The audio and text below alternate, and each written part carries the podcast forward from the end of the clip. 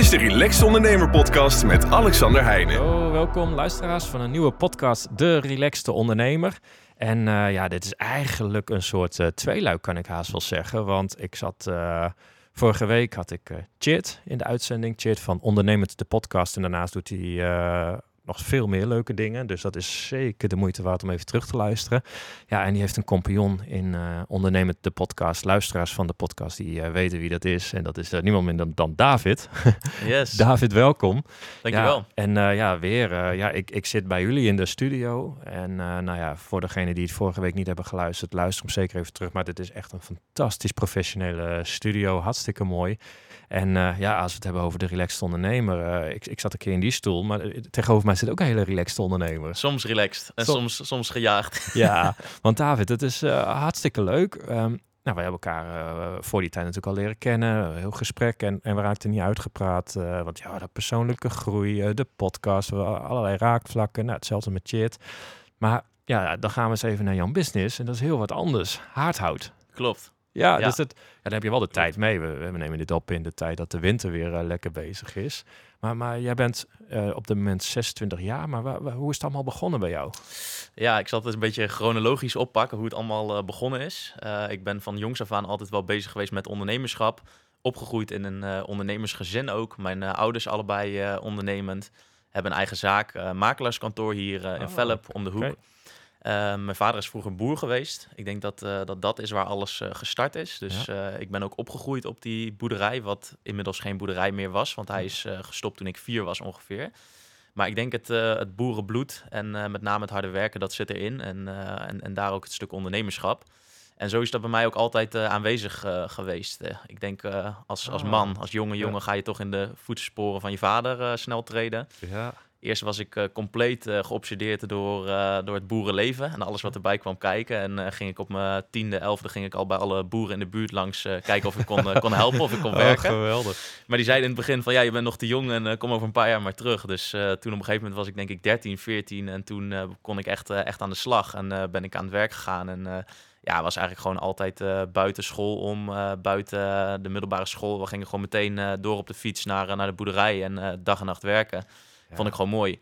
Ja, fantastisch. En, ja, daar is het stukje passie ook wel geboren. En dat heeft uiteindelijk heeft dat tot uitgemond dat ik altijd dacht van... hé, hey, ik, wil, ik wil ook echt ondernemen. In eerste instantie wou ik dan boer worden. Nou ja, dat is na een tijdje een beetje weggezakt. Heb ik gezien van, nou, er zitten ook minder mooie kanten aan. En het is best wel een eenzaam bestaan. In ieder geval, je hebt maar één plek waar je altijd werkt. Wel heel erg in verbinding met de natuur, dat wel. Je boer zoekt vrouw voor dan weer, hè? Dat ja, ja, dat wel.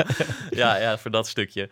Maar... Uh, maar ja, dus, dus op die manier eigenlijk uh, ja, altijd wel met dat boerenleven. En uh, toen ik uh, ook 15, 16 was, tuin- en parkmachines, dus grasmaaiers opgeknapt en verkocht. En toen ik 13 was, had ik al een grasmaaiservice. Ging ik samen met een vriend van mij, gingen we met de zitmaaier, gingen we het hele dorp door.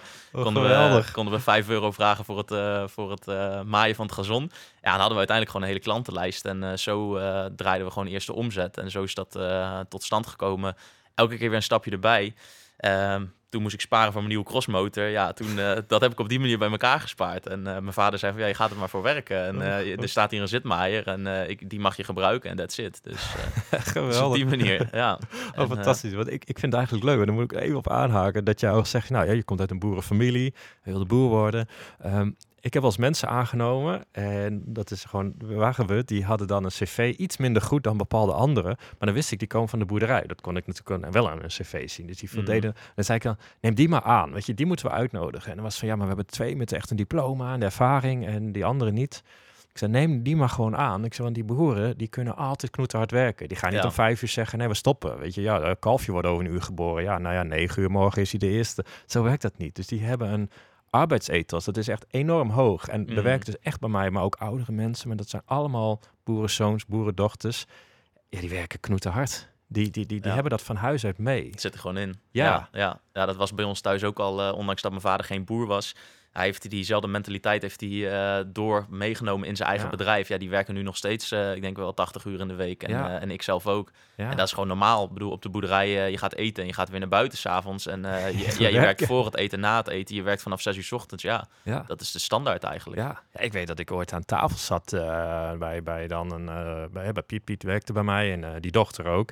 En die vond dan iets. En dan zaten ze echt zo van, nou, eens op te zeuren. Ga het gewoon even doen. Terwijl eigenlijk met een, een normale collega, dan had iedereen gezegd, ja, nou ja, ze heeft ook gelijk. Want ja, het is vijf uur geweest. Even heel zwart-wit, ik weet niet wat het ding. Maar zij zat iets, hou eens op te zeuren, ga het nou even regelen. Ja. Dat je gewoon, ja, dat vond ik echt wel mooi. Dus ik denk, ja, dit moet ik even Ja, kwijt. ja. Dus, eh, maar, maar goed, vanuit de grasmaaiers eh, naar een enorm succesvolle podcast, daar zit nog wat tussenin. Zit wat tussenin, ja. ja, Nou, op een gegeven moment, eh, wij woonden dus nog op dat, ja, op, op het bedrijf eigenlijk. Tenminste, het is een woonboerderij. Mijn vader is wel gestopt, maar we hadden nog de, de schuren en alles eromheen.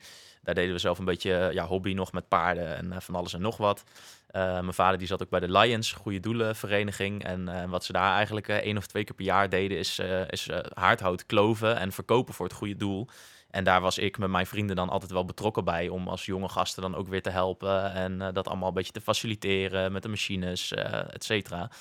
En eh, zo kwam eigenlijk het idee van eh, samen met, eh, met Rick, mijn compagnon, waar ik ook dat grasmaaien mee deed, hebben we verschillende bedrijven gehad. En toen op een gegeven moment zeiden van, nou, we kunnen ook een keer een, een vracht hout inkopen. Gewoon stammen, gewoon ja, ronde stammen, drie meter lang, flinke diktes. En dan gaan we er haardhout van maken. En dat begon gewoon als een idee van, hey, we doen dat één vrachtje per jaar en doen we 50 kuub hout. En dan gaan we dat aan de man brengen en een beetje bijverdienen. En dat, dat is eigenlijk helemaal uit de hand gelopen. Eh, dat is in 2016 zijn wij gestart. Ja, we zitten nu eh, dus 7, 8 jaar later eh, op, op een punt dat we, dat we er echt een serieus bedrijf van hebben gemaakt. Maar het is altijd wel, het was altijd naast ander werk, naast een studie. het is altijd voor de bij geweest. En, en, en dat heeft ons achteraf ook wel een beetje beperkt in de mindset van hey, eh, we doen een beetje hout verkopen voor de bij. En altijd ook met eigen geld gedaan.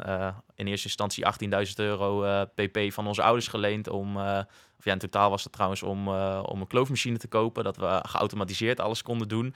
Een goede kloofmachine dus. Ja, het was wel Ja. een dure kloofmachine. En dat was in het eerste jaar volgens mij ook al. En eh, daarna alles op eigen vermogen gedaan. Dus eh winsten herinvesteren elk jaar. En, eh, ja, en nu zitten we gewoon op een, eh, op een mooie omvang. Dat we eigenlijk drie webshops hebben in totaal. En eh, ja, draaien we zeg maar elk jaar, eh, ja, het afgelopen jaar iets boven een half miljoen omzet in totaal.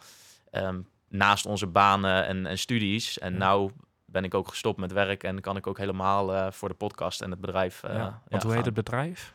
Eh, we hebben drie webshops. Eentje is Haardhout de Steeg. Dat is eigenlijk heel regionaal. Hier in Arnhem en omstreken doen we alles bezorgen. Dan hebben we Haardhout Fabriek. Dat is een webshop die we hebben overgekocht op een gegeven moment van iemand. Dat is landelijke dekking.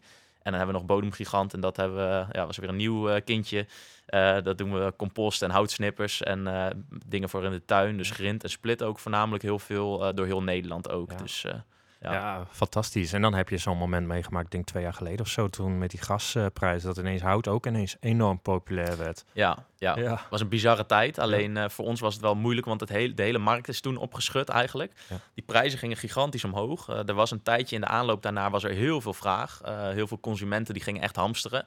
Eh, en de prijzen stegen daarmee. Maar dus ook onze inkoopkanalen, die dachten ook van... Hey, die, zagen natuurlijk, eh, die zagen het natuurlijk wel blinken. Dus eh, de inkoop werd ook gewoon vele malen duurder. Ja. Tegelijkertijd zijn er heel veel cowboys in die markt opgestart. Die dachten van, hé, hey, iedereen wil hout kopen, dus nou ja, wij gaan dat ook wel doen. Veel oplichtingspraktijken. Daardoor is ja, eigenlijk die hele markt is, is helemaal opgeschud. En, en sindsdien komen we pas nu weer een beetje terug in het normale vaarwater waar, ja, waar wel heel veel is gebeurd. Dus voor ons is het, eh, het, het heeft een tijdje positieve uitwerking gehad, maar toch wel, eh, ja, toch heeft het de markt eh, eigenlijk het evenwicht helemaal, helemaal verstoord. Ja, nou ja, dat zie je. Ik, bedoel, ik deed Formule 1 reizen, doe ik nog steeds.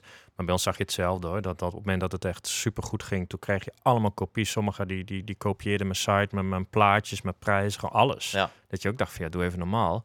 En toen die crisis ontstond, dan zag je ook, die gingen natuurlijk allemaal weer weg. En dan zag je dat de grotere of de betere bedrijven, laat het zo noemen, dat die ook echt bleven bestaan. Dus Mm. en dat, dat zie je nu natuurlijk sowieso. Ik heb bijvoorbeeld met Gerard Duusma zo'n hele e-learning gemaakt. Ja, eh, waarom zou je die kopen? Ja, omdat er een echt verhaal achter zit. En nu zie je ook weer eh, ineens met dat AI dat er ineens allemaal van die cursusjes komen. Dat je denkt, ja, Ja. dit is het niet. Dus, eh nou Ja, ja, ik goed. vind eh, dat ook het onderscheid inderdaad tussen ben je echt ondernemer of meer een eendagsvlieg. Ik denk als je echt ondernemer bent, dan ga je voor de lange termijn. En wat, wat jij ook al aangaf in jouw eh, verhaal, weet je wel, jij, jij had het heel financieel zwaar, maar je hebt wel altijd die klanten nog geholpen. Je bent ervoor blijven staan. En ik denk dat als je echt ondernemer bent, dan kies je daar ook voor om voor de lange termijn Ja. iets duurzaams op te bouwen. En juist op dat soort momenten wordt wel de kaf van het koren gescheiden. En zijn eigenlijk de, ja, de mensen die het een beetje, beetje lopen te lanterfanteren, ja, die, die, die trekken dat niet meer. En, en, en dat zag je bij Haardhout ook.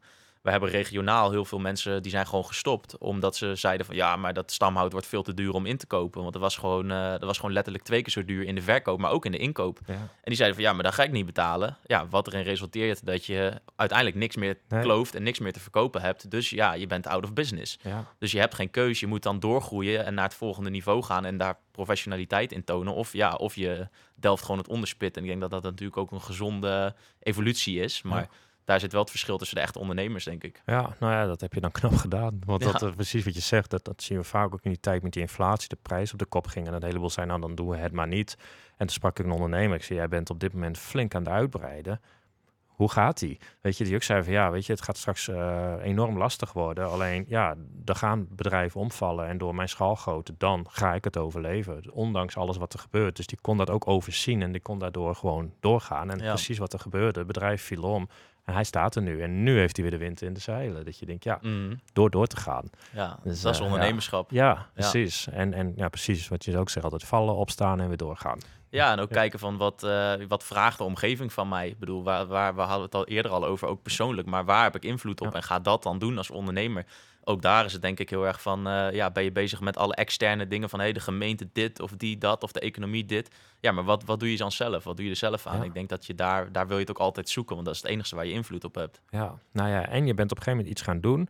Hè, je, je zei het net, eh, nou, ik denk dat dat een droom van heel veel mensen is. Die zijn met een, een onderneming bezig, hebben nog een baan, maar op een gegeven moment ben je de baan gaan opzeggen. Ja, En, ja. en, en kun je dus ja ik meenemen in het- dat proces, want, want dat is waar heel veel luisteraars eh, die, die, die, die dat ook wel willen. Mhm. Ja, ik vind het dan wel mooi om iets breder in te leiden. Ja. Ehm, ik had eigenlijk altijd, eigenlijk altijd drie dingen. Ik had mijn, eh, mijn passie voor, eh, voor, de, voor de boerderij. Nou, dat is uiteindelijk uitgemond in eh, mijn werk, wat ik deed. Ik deed landbouwmachines verkopen. Dus dat was ook heel mooi, een hele mooie baan. Ik zat door heel Europa, Frankrijk, Polen, Tsjechië. Overal ging ik heen. Machines verkopen bij boeren, bij klanten aan tafel.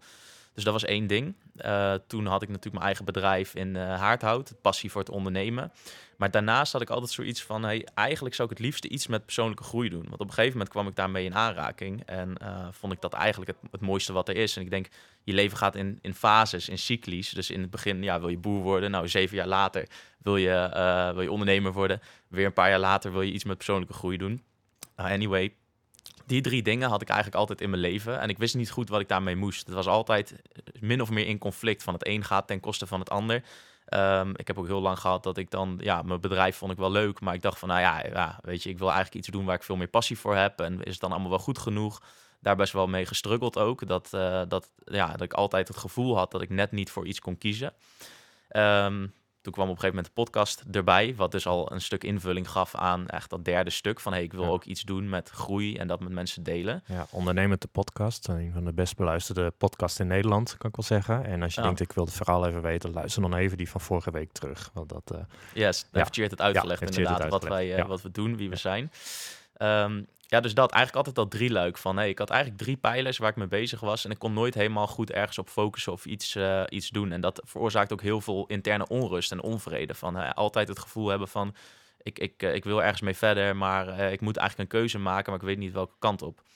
Ehm, ja, dat heeft er dus in geresulteerd dat ik, eh, dat ik altijd die drie dingen heb gedaan. En altijd, eh, altijd in zeven sloten tegelijk rende, zeg maar. Ook Ja, eh, gebrek ja, aan focus. ja, altijd Herkenbaar hoor. ja, nieuwe bedrijven starten, nieuwe projecten. ehm, van alles geprobeerd, ook gaandeweg. We hebben ook met Haartout hebben we verkocht op bol.com. We hebben dropshipping heb ik tussendoor gedaan. Ja, ja, alles geprobeerd. Wat Cheert ook al zei, weet je. Je denkt altijd van, ja, aan de, de- bij die ondernemer gaat het zo makkelijk. Dus dan ga ik dat ook doen, weet je wel. Maar dat. Uiteindelijk word je weer teruggebracht naar waar je, waar je vandaan komt. Dus, ehm, dus dat, ja, een hele, een hele heel proces geweest eigenlijk. Dat ik, eh, en waar ik nu in 2023 dus eh, eigenlijk oktober mijn baan op, heb opgezegd uiteindelijk. Is heel veel mee eh, gepaard gegaan ook. Ik heb midden dit jaar, juni, juli, heb ik mijn, ja, mijn relatie verbroken omdat ik ook merkte dat ik daar niet de groei in kon, kon vinden die ik, die ik eigenlijk zocht. Dat stond een beetje stil. Ehm, we hadden gewoon allebei andere interesses, zeg maar. We konden elkaar niet bieden wat we wouden. Toen ook het huis verkocht. Ik had een huis met haar gekocht, verkocht. Ik woon nu even weer tijdelijk bij mijn ouders. Dus ik, heb eigenlijk, ik heb eigenlijk heel veel dingen losgelaten dit jaar.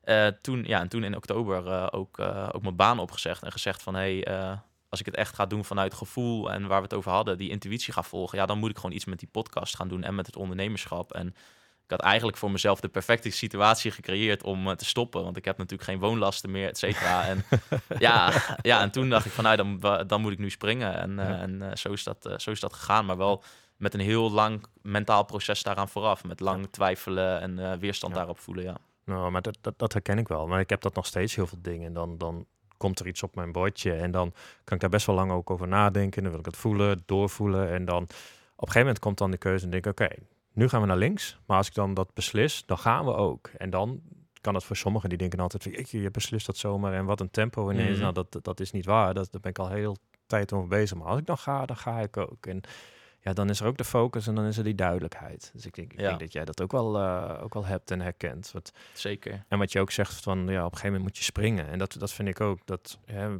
wij, nou hebben het in een andere podcast ook over gehad. Veel veel ondernemers die willen eerst zien en dan geloven. En wij zeggen ja, je moet eerst geloven en dan ga je het zien. Als jij duidelijk weet van joh, ik wil daarheen. Dat is mijn richting en ik ga lopen. Dan komt dat pad wel. Dat is tenminste mijn ervaring. Ik denk dat dat deels, als ik dat zo hoor, bij jou ook zo is. Want, Zeker. Ja, je Ja. nog niet alle schaapjes op drogen om het te doen. Dus er, er, er, er Nee. zit nog risico. En toch ben je gegaan. Dus had jij voor jezelf duidelijk van... oké, ik ga met eh ondernemen de podcast... ga ik die kant op, hardhoud die kant op... of had je echt zoiets van... joh, ik eh, zie het allemaal wel. En, eh, Ja, een beetje van beide. Ik Ja. heb wel echt een, ehm, ik heb wel echt een, een visie voor ogen van wat ik, eh, wat ik wil en eh, Ja. waar ik naartoe wil groeien. Maar op een gegeven moment is het ook, ik heb wel, ik heb ook geleerd op een gegeven moment waar we het ook net over hadden. Het is ook controle loslaten. Je wil altijd heel erg, eh, dus met je, met je mind, met je gedachten, controle uitoefenen op je omgeving. Hè? Het Ja. idee hebben van, hé, hey, ik, ik heb grip, ik heb houvast. Maar eigenlijk is dat een illusie, want je kunt, je, je hebt geen, je hebt maar een heel beperkte invloed op je omgeving en al helemaal niet over wat er morgen of overmorgen gaat gebeuren. Dus dat hele idee van, hé, hey, ik ga dit doen en daar hou ik me helemaal aan vast. Ja, nee. bestaat eigenlijk niet. Dus Nee. op een gegeven moment heb ik gewoon ook eh, moeten leren door, door het hele proces en door het ondernemerschap van die controle opgeven, loslaten en gewoon denken van hé, hey, als dit, dit is wat het is of als dit is wat er wil ontstaan, ja, dan is dat zo. En dan ga ik daar gewoon volle bak gewoon op intuïtie gewoon, eh, gewoon op in. En dat, dat, dat is gewoon ja, eigenlijk het mooiste wat er is. Als je op een gegeven moment op dat punt komt dat het je eigenlijk niet meer uitmaakt. Dat je gewoon Nee. denkt van hé, hey, ik volg gewoon mijn intuïtie en ik eh, vertrouw er gewoon op dat het goed gaat. En, Ja. eh, en je maakt gewoon die sprong. En, en, en dan, ja, dan maak je die sprong in het diepe. En ehm, ja, dat is gewoon een heel mooi gevoel. Want je, Ja, maar dan, dan is het ook niet een, meer een sprong in het diep of zo. Op een manier heb je dan een geloof in jezelf, joh, het komt wel goed. En daardoor komt het vaak ook goed. Hè? Zeker, ja, Ja. de- ja, dat is heel gek. Maar wat jij ook aangaf, eigenlijk heb ik geen moment gehad met die keuze ook dat ik echt bij mezelf dacht van het gaat niet goed komen. Nee. Altijd, ik weet niet hoe, maar het gaat gewoon goed komen. En of Ja. het nou ja, of het nou links of rechtsom loopt. En natuurlijk, we maken ook plannen met de podcast en er zitten heel vaak dingen tegen. En ehm, over het algemeen in mijn leven gaan dingen wel redelijk gestroomlijnd. Alleen, ja, je moet er wel keihard voor knokken. En, en wel echt gewoon letterlijk eh, bloed, zweet en tranen. En, Ja. eh, en, en het gaat niet vanzelf. Maar als je maar vol blijft houden en door blijft gaan, dan eh, komt het uiteindelijk wel. Ja, nou, ik, ik zeg ook altijd, en met ondernemers heb ik het er ook vaak over. Je, je moet gewoon wel een bepaald doel hebben. Dat je in ieder geval weet waar je heen gaat. Laten we maar gewoon richting noemen. Precies. En dan komt het wel. En dan, mensen willen dan alles afgekaderd hebben. En dat is precies wat jij ook zegt. Die controle moet je los kunnen laten. Ik zeg, die hoe, die ontstaat gaandeweg. Er komen er ineens mensen op je pad en die brengen je weer een stapje verder. Alleen, ja, hoe dat werkt, geen idee. Dat is Mhm. universum, dat is God, dat is, eh, geef het een naam. Ja. Ja, en daar geloof ik heel erg in. En dat, dat zie ik ook altijd terug. Weet je, dus, en dat zegt mijn vrouw ook wel eens van, joh, jij komt altijd op de meest gekke plaatsen, de meest gekke mensen tegen. En die nodigen je dan uit voor iets. En dan, ja, dan is het van, joh, ga je daarop in of niet? Weet Ja. je? En als je dan met een open mind daarin kan staan. En, en vanuit die stilte en dat vertrouwen, dan, dan komt het op je pad. Maar dan kun je er ook wat mee. En Ja, zeker. dat is wel heel leuk. eh, een boek heb ik toen gelezen van David Sinner. En die had een overgave-experiment. Maar eigenlijk een beetje hetzelfde. Vind ik. Ik- Ja, je begint al. Het, eh, ja. ja. je kent het. Nou, voor de luisteraars die het niet kennen, hartstikke leuk boek. Maar die man, die, dit is een soort, soort hippie in de jaren 70 toen al deze theorieën er nog niet waren. Die dacht van, nou ja, als het universum of God of geef het een naam, het zo goed met me voor heeft, dan komt alles wat op mijn pad komt, daar zeg ik gewoon ja tegen. Nou, heel lang verhaal kort. Hij blijft nog steeds die hippie die meditatielessen geeft. En daarnaast heeft hij nog volgens mij een miljardenbedrijf de grond uitgestampt. Dus, en dat bleef hij allemaal doen vanuit datzelfde punt. En ook al zei zijn gevoel en alles soms nee, dan had hij ze nee, ik heb afgesproken dat het ja is. En dan deed hij toch ja. En dan kwamen er weer allemaal gekke dingen uit weg. En hij werd echt mega groot. Maar hij bleef ook gewoon bij zijn eigen Ja. principes. Dus eh, ja, ik vind dat wel leuk. En ja, jij bent nu de, gewoon de verpersoonlijking van dat stukje. Door Ja, het op ja. die manier te doen. En, en ook je uh. Dus dat vind ik wel mooi. Ja, en dat is ook door het zelf wel te doorleven. Maar dat, dat komt denk ik ook doordat, eh doordat wij allebei die passie daarvoor hebben. Ik denk dat je, je, kunt, je kunt dat niet forceren dat je dat soort dingen gaat leren, omdat het moet echt van binnenuit komen. En dit is wel, dat is ook waarom wij die podcast doen. Uiteindelijk, dat is onze passie, want wij, wij gaan hierop aan, weet je wel. Als wij, dit, we praten over niks anders met z'n tweeën, dus dan is het ook denk ik heel erg uh, onvoorkomelijk dat je op een gegeven moment gewoon dat allemaal doorleeft. En en ik vond het net inderdaad mooi, uh, toen, je dat, toen je dat net zei, denk ik, kwam er iets in me op van eigenlijk doorloop je een paar stadia. En um, ik vind het ook mooi om het naar het persoonlijke te trekken, want het, het, ondernemerschap is eigenlijk, heeft veel meer te maken met wie ben je als persoon en hoe sta je in het leven, wat is jouw vertrekpunt. Alleen als je daar dus naar kijkt, dan, dan begin je in het, in het leven gewoon heel erg compleet onbewust. Dus alleen maar wijzen naar uh, externe dingen. Hey, weet je wel, van uh, ja, maar uh, alles de schuld geven. Ja. En gewoon denken van ik ben slachtoffer van het leven. Nou ja, en dan op een gegeven moment ga je bezig met persoonlijke ontwikkeling. En dan denk je van, uh, ik, ben, uh, ik ben God Almighty, ik heb, uh, ik heb alle invloed op mijn leven. Ik ga ja. alles nu helemaal uitplannen, rigide. Ik ga doelen stellen, vijf jaar doel, tien doel, ja, tien jaar doel. En dan, en dan, en dan denk je van, oké, okay, als, ik, als ik maar genoeg invloed uitoefen, controle, controle. dan... dat was mijn telefoon. Excuses. ja. ja. Nee, maar als je maar genoeg controle uitoefent, denk je dan van, hé, hey, dan ga ik al die doelen behalen.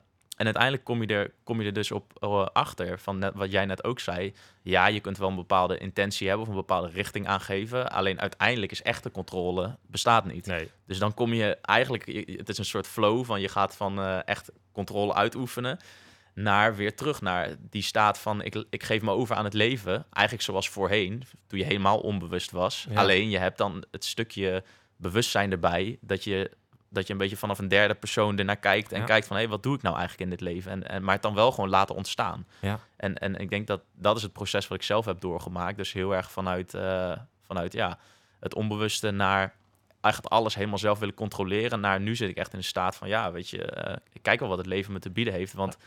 Ja, ik kan wel helemaal alles in gaan vullen van, van A tot Z, maar je weet het toch niet. Nee, dat, dat klopt. Ik, ik zie dat wel vaak met mensen ook, die, die gaan dan ook in het persoonlijke groei, maar die slaan dan helemaal in door. Omdat precies, je zegt, dan willen ze nog meer weten. Maar eigenlijk hoe meer je weet, hoe meer je erachter komt dat je helemaal niks weet. Weet je, dus ga je nog meer weten om weer. En, en dat moet je op een gegeven moment los kunnen laten. Want anders word je gewoon helemaal gek. En dan ook gewoon weer eens go with the flow. En dat, dat kunnen loslaten. Als je maar gewoon weet van oké, okay, ik weet dat ik die kant op ga. En ik ga gewoon in beweging komen.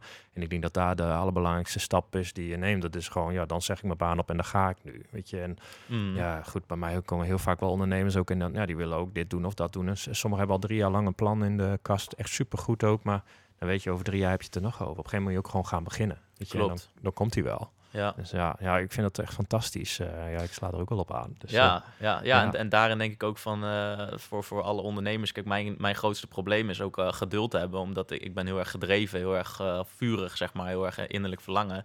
En dat is natuurlijk, staat er tegenover dat je dan geen geduld hebt. En ook met dit soort dingen, ik, ik had nooit het geduld om zeg maar af te wachten dat het goede moment kwam. Alleen ik, ik denk inderdaad, het ene, de ene kant is nooit beginnen. De andere kant is het willen forceren, want dat werkt ook niet. Nee. Ik bedoel, je moet het, op een gegeven moment komt het moment, dan weet je het gewoon. Dan weet je gewoon van nu is het moment, nu heb ik uh, alle voorbereidingen getroffen, ik voel dat het zo is. Ja, haal de trekker over. Alleen je kunt het ook niet, je kunt het ook niet forceren. nee. Nee. nee. klopt. Nou, fantastisch. En als we me dan eens vooruitspoelen, jouw toekomst over een paar jaar. Kijk, wat, wat, wat, wat jij ook zei, ik ga al bij mij vragen, wat doe je over vijf jaar? Ik zeg vijf jaar, joh, drie jaar geleden Mm. wisten we nog niet eens dat we corona kregen, dat er een oorlog aankwam en dat de gasprijzen. Dus, dus we gaan wat korter houden over een jaar of drie. Ja, Dan is heel hardhoudende Nederland van jou. Of uh, dan is de podcast uh, wereldwijd. Wat, wat, zijn uh, wat zijn jouw ambities? ja, we hebben natuurlijk inderdaad wel een richting voor de, voor de toekomst uitgezet. Ik vind dat dat wel belangrijk is dat je een, een intentie hebt van waar wil ik heen. Dat je enigszins ja, daar alles aan kan ophangen van wat doe ik en waarom. Uh, we willen met de podcast, uh, Cheert, ook al eigenlijk net uh, het grootste uh, platform voor ondernemers in Nederland worden. En Ja. dat is dan veel breder dan, dan alleen een online platform. Dat is ook offline, dat is netwerk inzetten, kennis inzetten. Eigenlijk alles wat wij zelf hebben geleerd en ook met name ons, onze gasten uit ons netwerk hebben geleerd. Uh, en, en daarin vind ik het ook heel mooi om het stukje ondernemerschap uh, te koppelen aan het, uh, aan het persoonlijke. En dat is ook de, denk ik, de uitdaging daarin. Um, om dit soort onderwerpen, want ik, ik ga zelf wel heel erg graag ga ik echt op de diepte in. En om, om dat op een mooie, eenvoudige manier te verpakken, zodat mensen, kijk, mensen starten vaak van, hey, ik wil ondernemer worden, want ik wil geld verdienen. Ja. En tuurlijk, dat is heel logisch, daar start je. Maar dan gaandeweg ga je ook veel meer richting hey, die persoonlijke kant van... Uh, oké, maar waarom wil je dan geld verdienen? Waarom heb je dat nodig? Wat, uh, wat wil je? Wie ben je? Nou, en om, om mensen mee te nemen op die reis uh, eigenlijk... En, en ze daarin te faciliteren, dat, dat vind ik heel mooi. En dat, dat is ook wat wij met de podcast willen doen. Dus als je dan kijkt naar drie tot vijf jaar... ja, grootste, grootste platform met online, offline diensten... Um, daarnaast wil ik dus ja, die webshops eigenlijk uitbreiden. Dat wij met de, vooral twee webshops die landelijk zijn, willen we eigenlijk in de top 5 van Nederland zitten. En uh, ja, ik sluit ook niet uit dat ik die op termijn dan misschien zou kunnen gaan verkopen of wat dan ook. Maar ik vind dat gewoon een heel, hele mooie uitdaging om een stukje ondernemerschap daarin in te steken. Um, ja, dus dat eigenlijk qua zakelijke ja. doelstellingen. En, en Cheert zei het ook al, ja, we zijn eigenlijk ook wel voornemens om een keer samen vastgoed in het buitenland te kopen.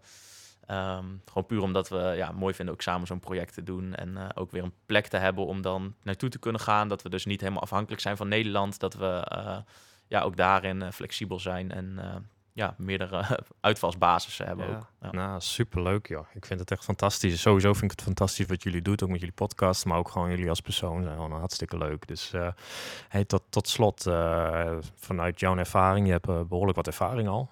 Uh, heb jij tips voor uh, luisteraars dat je zegt, joh, nou dat zijn toch wel gewoon belangrijke lessen voor mij geweest, dat je kan meegeven? Oeh, ja, ja. belangrijke tips. Ja. Um, zoals ik al zei, ik, ik denk dat, uh, dat ook in het ondernemerschap, dat je het, ik vind dat ook mooi om te doen, maar naar het persoonlijke trekken van, hey, weet je wel, jij gaf het ook al aan, van uiteindelijk de grootste beperkende factor binnen de onderneming is de ondernemer zelf. Dus ga ik vooral kijken naar uh, ja, ja, wie ben jij dan en welke, welke overtuigingen zitten er misschien in jouw systeem die uh, voorkomen dat jij, dat jij groeit. Want vaak is het, en ik, ik herken dat ook heel erg in mezelf, van uh, bijvoorbeeld altijd een beetje de overtuiging van hey, ja, dat haardhout, dat, dat is meer bijverdiensten, weet je wel. En, en die onbewuste overtuigingen, die, die, die zetten je eigenlijk op, op slot. Dus ik denk daar vooral heel erg de uitnodiging van, ja, ga eens bij jezelf onderzoeken van wie, wie ben je als persoon en wat zijn je, je vertrekpunten? Wat, wat vind je nou eigenlijk van jezelf? Want uh, als ik het dan ook naar mij dan toe trek om een concreet voorbeeld te geven. Ik denk dat dat uh, makkelijk is om dan te weten wat ik bedoel. Um, ik had altijd een beetje het vertrekpunt van hey, uh, toch een bepaalde schaarste mindset. Van hey, als ik nou dat product lever, dan ben ik eigenlijk al een soort van bang dat ik, uh, dat ik uh, klachten krijg van die klant. Dus dan ga je daar al op een andere manier mee om. Dat, ja, het is helemaal vanuit, je leeft in een soort van, ja, je hebt, je hebt een paar Kramping. keer een, ja, verkramping. Je hebt, je hebt een paar keer een tegenslag, een klant die, die boos is, ja, dan trek je dat heel erg aan. Daardoor ga je nog meer in die verkramping, nog meer in die angst van hey, als ik nou bij die volgende klant kom, gaat hij dat dan weer doen? Dus je zit eigenlijk continu in die, uh, in die angst. En ja, om dat dan te onderzoeken van hey, waar komt dat vandaan? En kan ik vanuit een ander vertrekpunt, meer vanuit, vanuit overvloed, van hey, er is genoeg en ik, ik stop alles wat ik heb, mijn hart en ziel en zaligheid in deze dienst. En als het niet goed is, ja, sorry, dan gaan we erover in gesprek. Maar ik ben niet meer bang dat, dat het niet goed is. Zeg maar. Nee. En dat, dat hele proces van wat, wat, waar sta jij als ondernemer? Um, ik denk dat dat, dat dat heel mooi is. Om daar vooral naar te kijken van hoe kan ik mijn klanten faciliteren, mijn werknemers faciliteren, mezelf beter maken, zodat ik gewoon de fijnste persoon ben om voor te werken, mee om te gaan en uh, als, als, uh, ja, als vriend of, uh, of kennis te hebben. En uh, dat, ja, dat vind, ik, uh, vind ik gewoon een hele belangrijke. Als iedereen dat zou doen, dan uh, zou het er hier heel anders uitzien. Ja, geweldig. Ik zet gewoon een dikke uitroepteken erachter. Ja, ja, ja. ja. ik sluit me er helemaal bij aan. Ik vind het hartstikke leuk. Ja, ik, ik wil je sowieso ontzettend bedanken, David. nou, sowieso voor de uitnodiging hier in jullie mooie studio. Dat we hier de podcast opnemen. Maar ook dat jij even de tijd nam om in de Relaxed Ondernemer podcast je verhaal te doen. Want je hebt een ontzettend mooi verhaal. Ontzettend mooie podcast. Dus uh, nogmaals dank. En dan uh, zeg ik alle luisteraars ontzettend uh, bedankt voor het luisteren. En als je denkt, joh, ik kan hier ook geen genoeg van krijgen. Ja, we hebben op de website relaxedondernemer.nl kun je gewoon mijn boek bestellen. gratis masterclass met Gerard Duursma. Waarbij we de, de belangrijkste lessen en fouten van mijzelf op een rijtje hebben gezet. En daar de moderne middelen met AI aan toe hebben gevoegd, zodat je lekker relaxed uh, kan ondernemen. En daar hebben we een hele e-learning omheen. Dus ik zou zeggen, ga dat vooral even bekijken. En voor nu uh, nogmaals dank voor het luisteren. En dan zeggen wij tot volgende week vrijdag. Dit was de Relaxed Ondernemer podcast met Alexander Heijnen. Bedankt voor het luisteren en tot de volgende keer.